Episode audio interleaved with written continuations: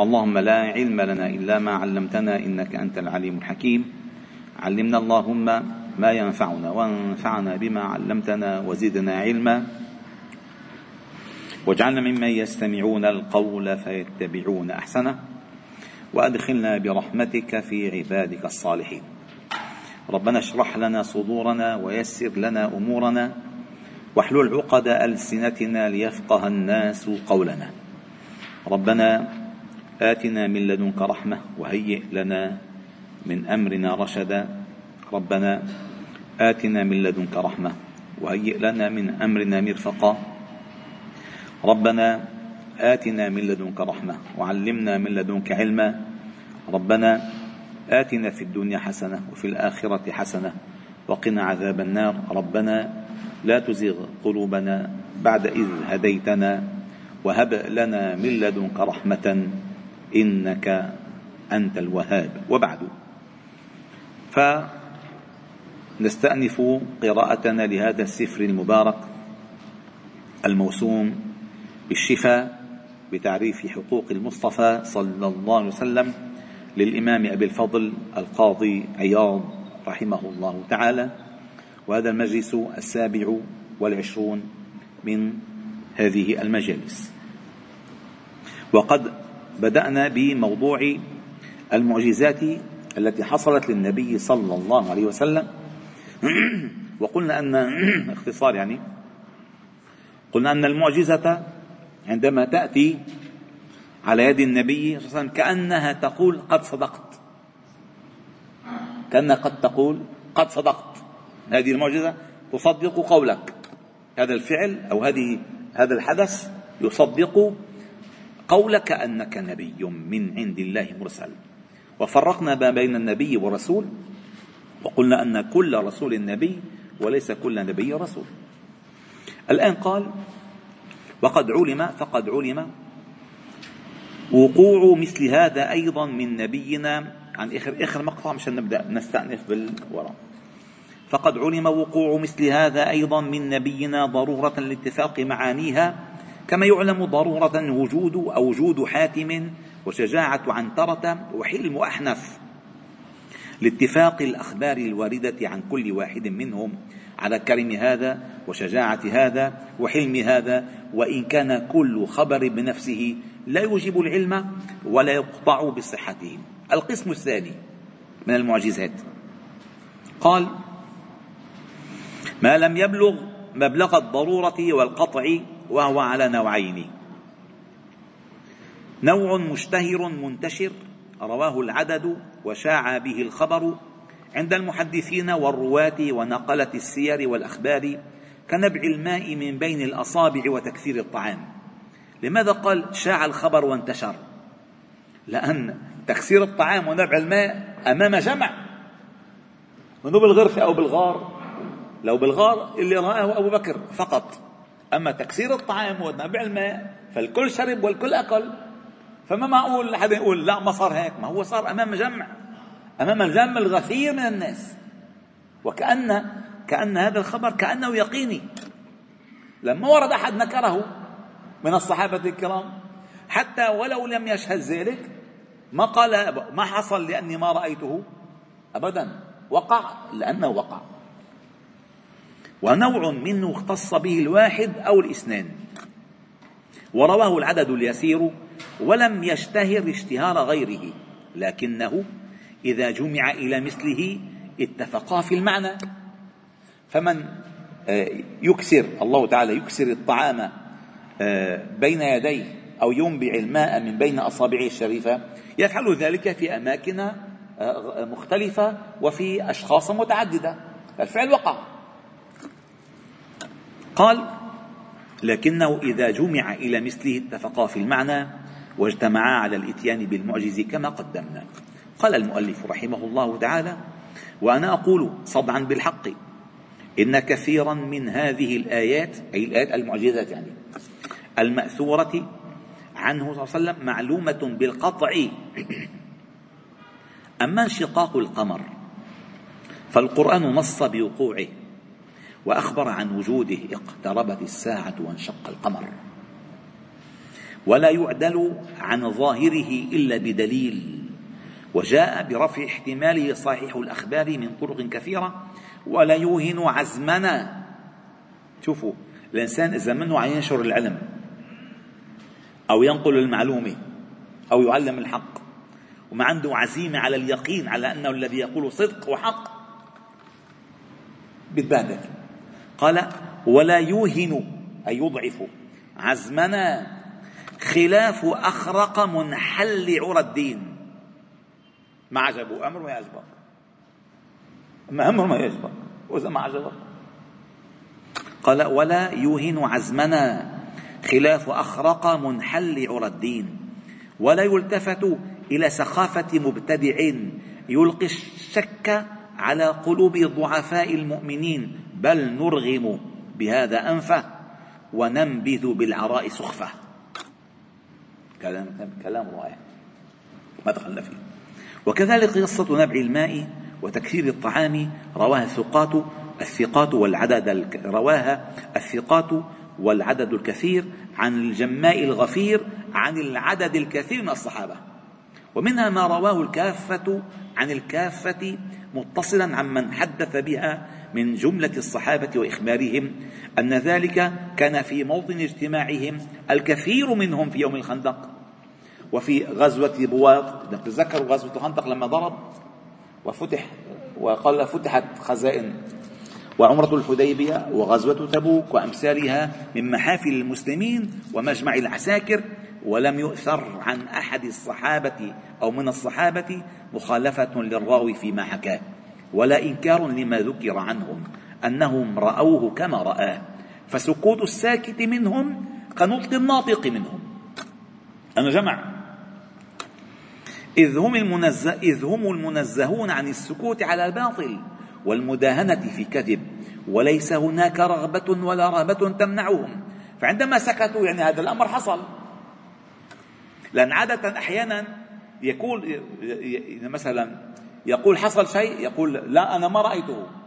مثلا ذكر ذكر أما هذه المعجزات تنقلت بالجم الغفير الكافة عن الكافة قال ولو كان ما سمعوه منكرا عندهم وغير معروف لديهم لأنكروه كما أنكر بعضهم على بعض أشياء رأوها من السنن والسير وحروف القرآن.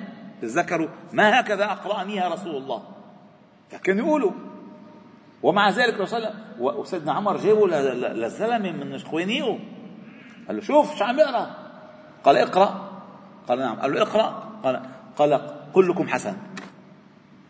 فوقع الخلاف ولكن يعني معودين يستنكروا إذا شيء رأوا شيء آه، لم يعهدوه فوقع منهم هذه المسائل. قال كما وخطأ بعضهم بعضا ووهمه في ذلك مما هو معلوم فهذا النوع كله يلحق بالقطعي من معجزاته لما بيناه.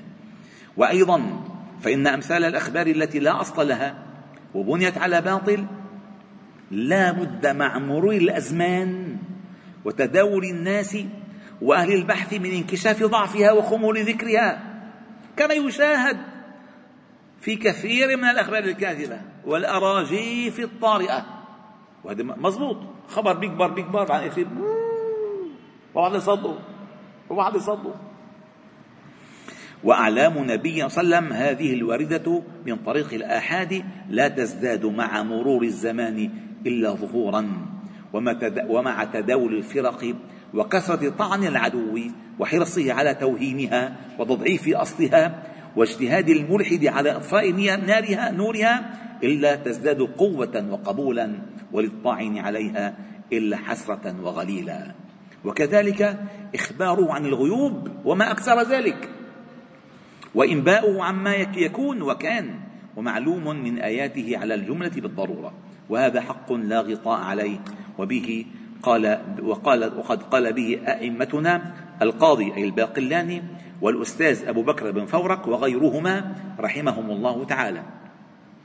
وما عندي أوجب قول القائل إن هذه القصص المشهورة من باب خبر الواحد إلا قلة مطالعتي للأخبار ورواياتها.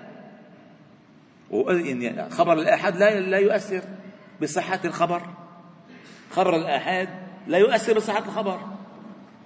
أغلب ما نقوم به نحن من الدين هو خبر آحاد أغلب ما نقوم به من الدين. وشغله بغير ذلك من المعارف وإلا فمن اعتنى بطرق النقل وطالع الأحاديث والأحاديث والسير لم يرتب لم يشك لم يرتب في صحة هذه القصص المشهورة على الوجه الذي ذكرناه. ولا يبعد أن يحصل العلم بالتواتر عند واحد ولا يحصل عند آخر.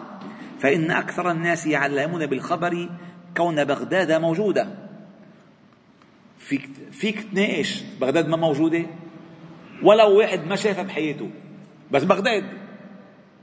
لصوص بغداد. سندباد مثلا. هارون الرشيد. حاضرة الدنيا. تمر.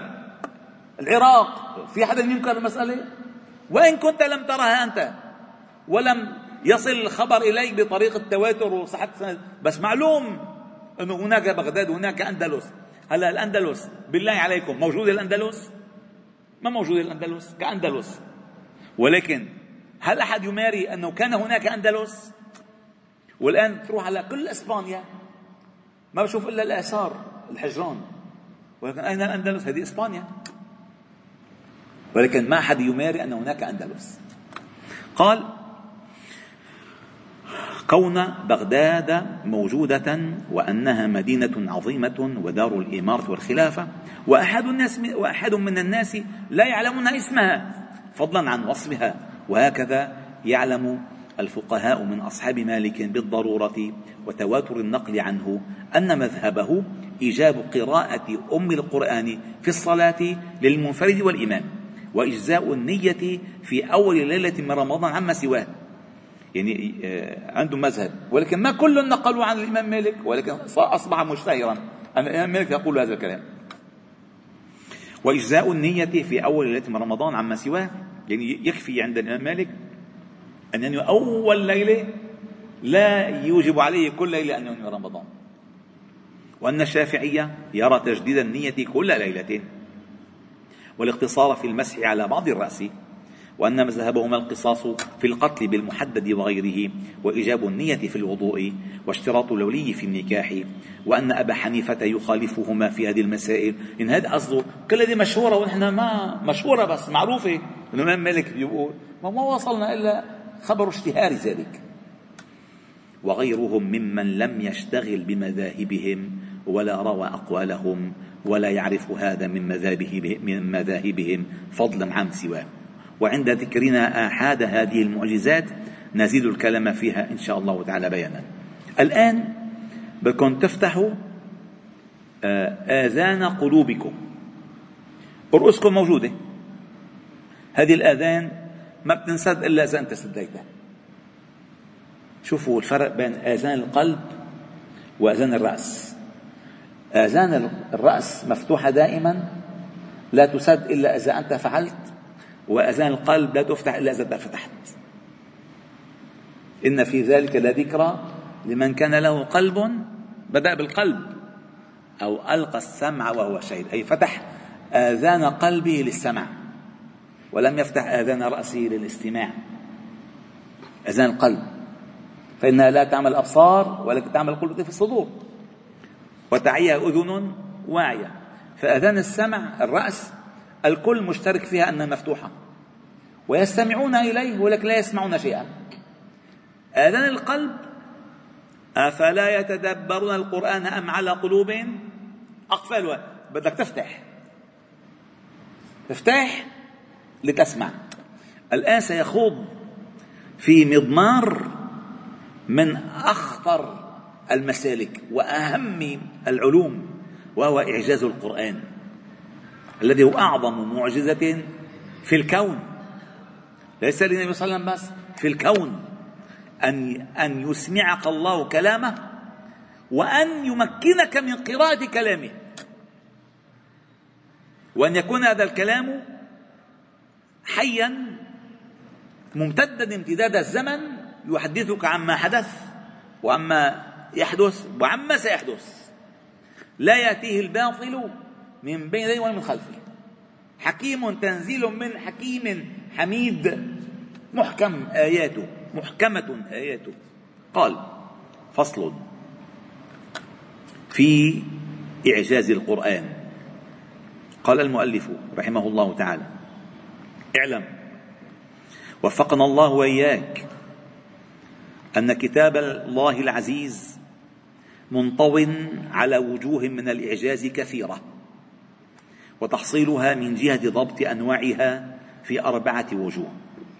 أولا أو أولها حسن تأليفه والتئام كلماته أو كلمة وفصاحته ووجوه إيجازه وبلاغته الخارقة عادة العرب. وذلك أنهم كانوا أي العرب كانوا أرباب هذا الشأن وفرسان الكلام قد خصوا من البلاغة والحكم بما لم يخص به غيرهم من الأمم وأوتوا من ذرابة اللسان ما لم يؤت إنسان ومن فصل الخطاب ما يقيد الألباب جعل الله لهم ذلك طبعا وخلقة وفيهم غريزة وقوة يأتون منه على البديهة بالعجب يمدح لسانهم العربي الآن. هو بده يقول لك أن هذا القرآن المعجز لم يأتي إلى أناس لا يعرفون اللسان ولا الفصاحة ولا البيان لأن بالعادة بتقول الأصوب بين العميان مبصر. لا هو أتى بين المبصرين الفطاحل وبين الفصحاء الأبطال. فلم يأتي إلى قوم ضعاف حتى يشوف حاله عليهم إنما أتى القرآن إلى قوم يعني هم لا يرون أحدا مثلهم في فصاحة لسانهم. لا يرون أحدا. فقال عنهم قال وجعل الله لهم ذلك طبعا وخلقة وفيهم غريزة وقوة يأتون منه على البديهة بالعجب. بالبديهة ويدلون به إلى كل سبب. فيخطبون بديها في المقامات وشديد الخطب ويرتجزون به بين الطعن والضرب ويمدحون بهذا الكلام ويقدحون بهذا الكلام يعني. ويتوسلون ويتوصلون يرفعون ويضعون فيأتون من ذلك بالسحر الحلال ويطوقون من أوصافهم أجمل من سمط اللآل فيخدعون الألباب ويذللون الصعاب ويذهبون الإحن الإحقاد ويهيجون الدمن الدواخل ويجرئون الجبان. يعني بتسمع واحد شاعر بتفكر شعره فارس هو قاعد بالبيت مخبى بالخيمة. أن يقولون ما لا يفعلون. ويجرئون الجبان ويبسطون يد الجعد البنان. الجعد البخيل ليس اسمه جعد لأن أعطوه جعدة. لأن ما بيبسطها. كيف الثياب حطيتها بالساخن وتركتها جعلتها بالخزانة؟ بجعلك كلها بجعدة جعد. قال من شعرهم أنهم يجرئون الجبان ويبسطون يد الجعد البنان. أي بنانه أي يده. ويصيرون الناقص كاملا ويتركون النبيه خاملا. ومنهم أي أنواع العرب البدوي ذو اللفظ الجزل والقول الفصل والكلام الفخم والطبع الجوهري والمنزع القوي. ومنهم الحضري ذو البلاغة البارعة والألفاظ الناصعة والكلمات الجامعة والطبع السهل والتصرف في القول القليل الكلفة الكثير الرونق الرقيق الحاشية. هذا الفرق بين البدوي والحضري.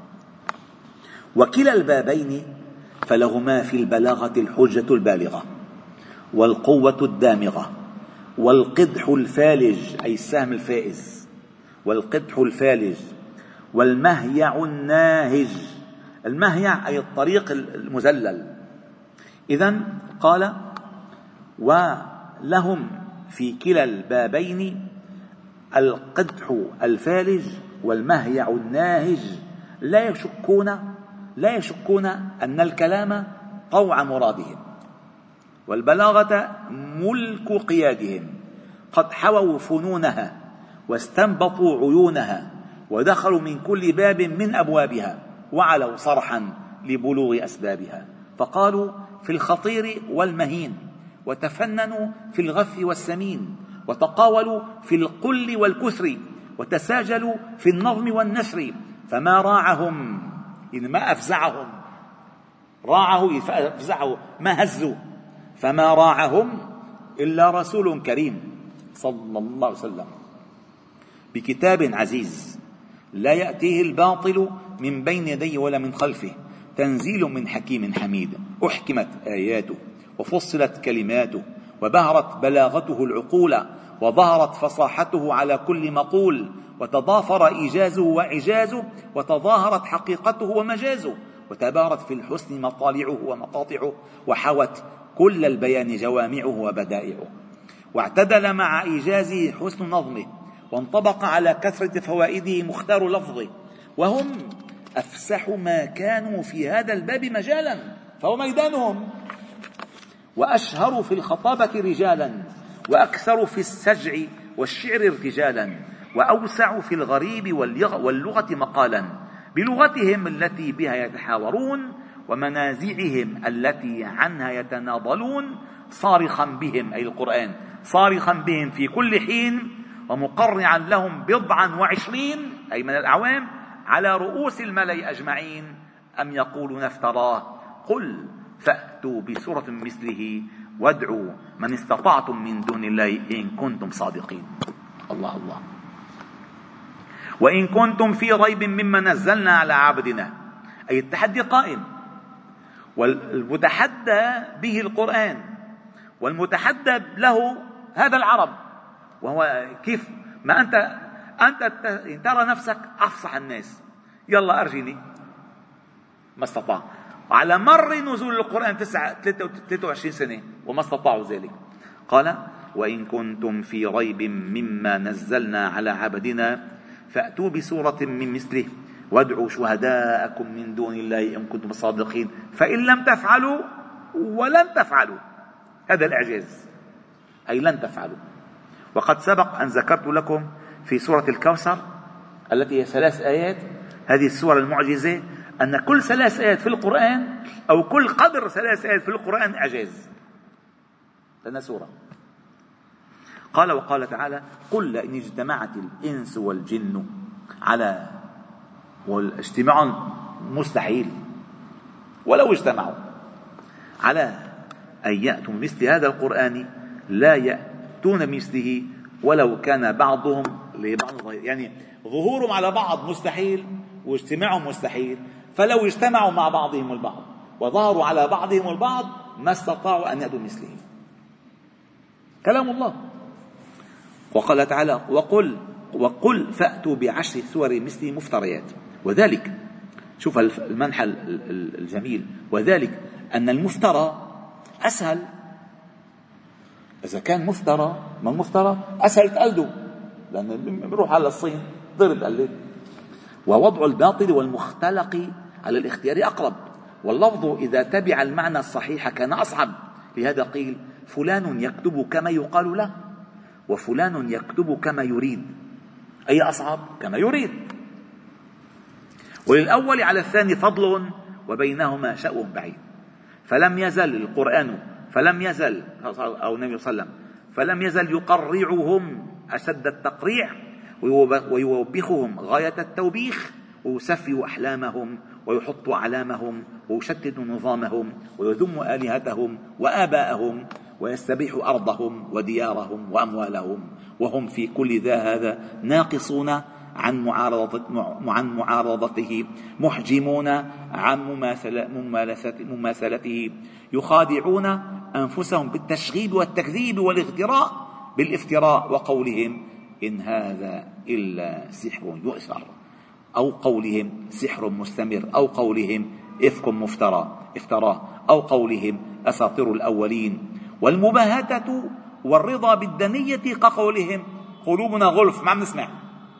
ما ما فت ما, فتنا بهالموضوع. أو قولهم وفي أكنة مما تدعون إليه وفي آذاننا وقر ومن بيننا وبينك حجاب. وقولهم لا تسمعوا لهذا القرآن والغوا فيه لعلهم تغلبون. والادعاء مع العزم بقولهم لو نشاء لقلنا مثل هذا. طيب يلا قولوا. ما استطاعوا. وقد قال الله تعالى لهم ولن تفعلوا فما فعلوا ولا قدروا. ومن تعاطى ذلك من سخفائهم كمسيلمة كشف الله عواره لجميعهم. قال عمل عمل سورة ألفيل ما ألفيل؟ له خرطوم طويل. شو؟ يعني بشوف الركيكة. وين هذا وين هذا. قال من كشف كشف الله عواره لجميعهم وسلبهم الله ما ألفوه من فصيح كلامهم وإلا فلم يخفى على أهل الميز منهم أنه ليس من نمط فصاحتهم ولا جنس بلاغتهم بل ولوا عنه مدبرين وأتوا مذعنين من بين مهتد وبين مفتون.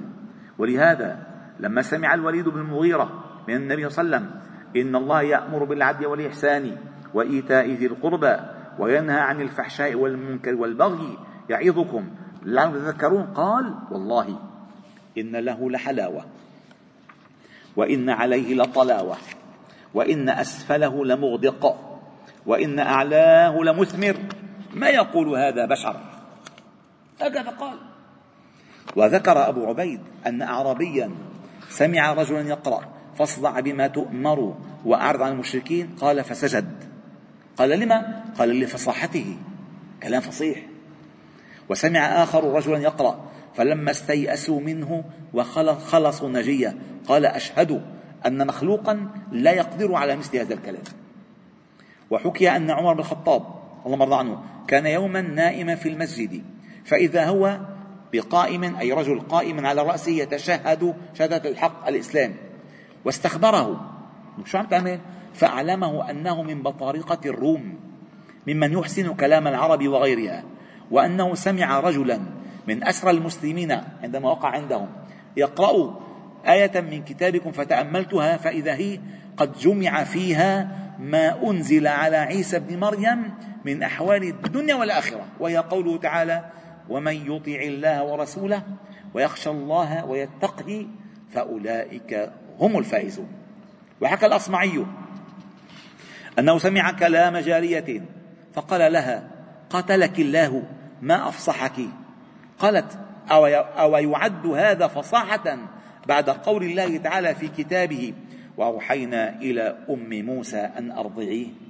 فإذا خفت عليه فألقيه في اليم ولا تخافي ولا تحزني إن رادوه إليك وجاعلوه من المرسلين فجمع الله تعالى في آية واحدة بين أمرين. ونهيين وخبرين وبشارتين. أي وحدة.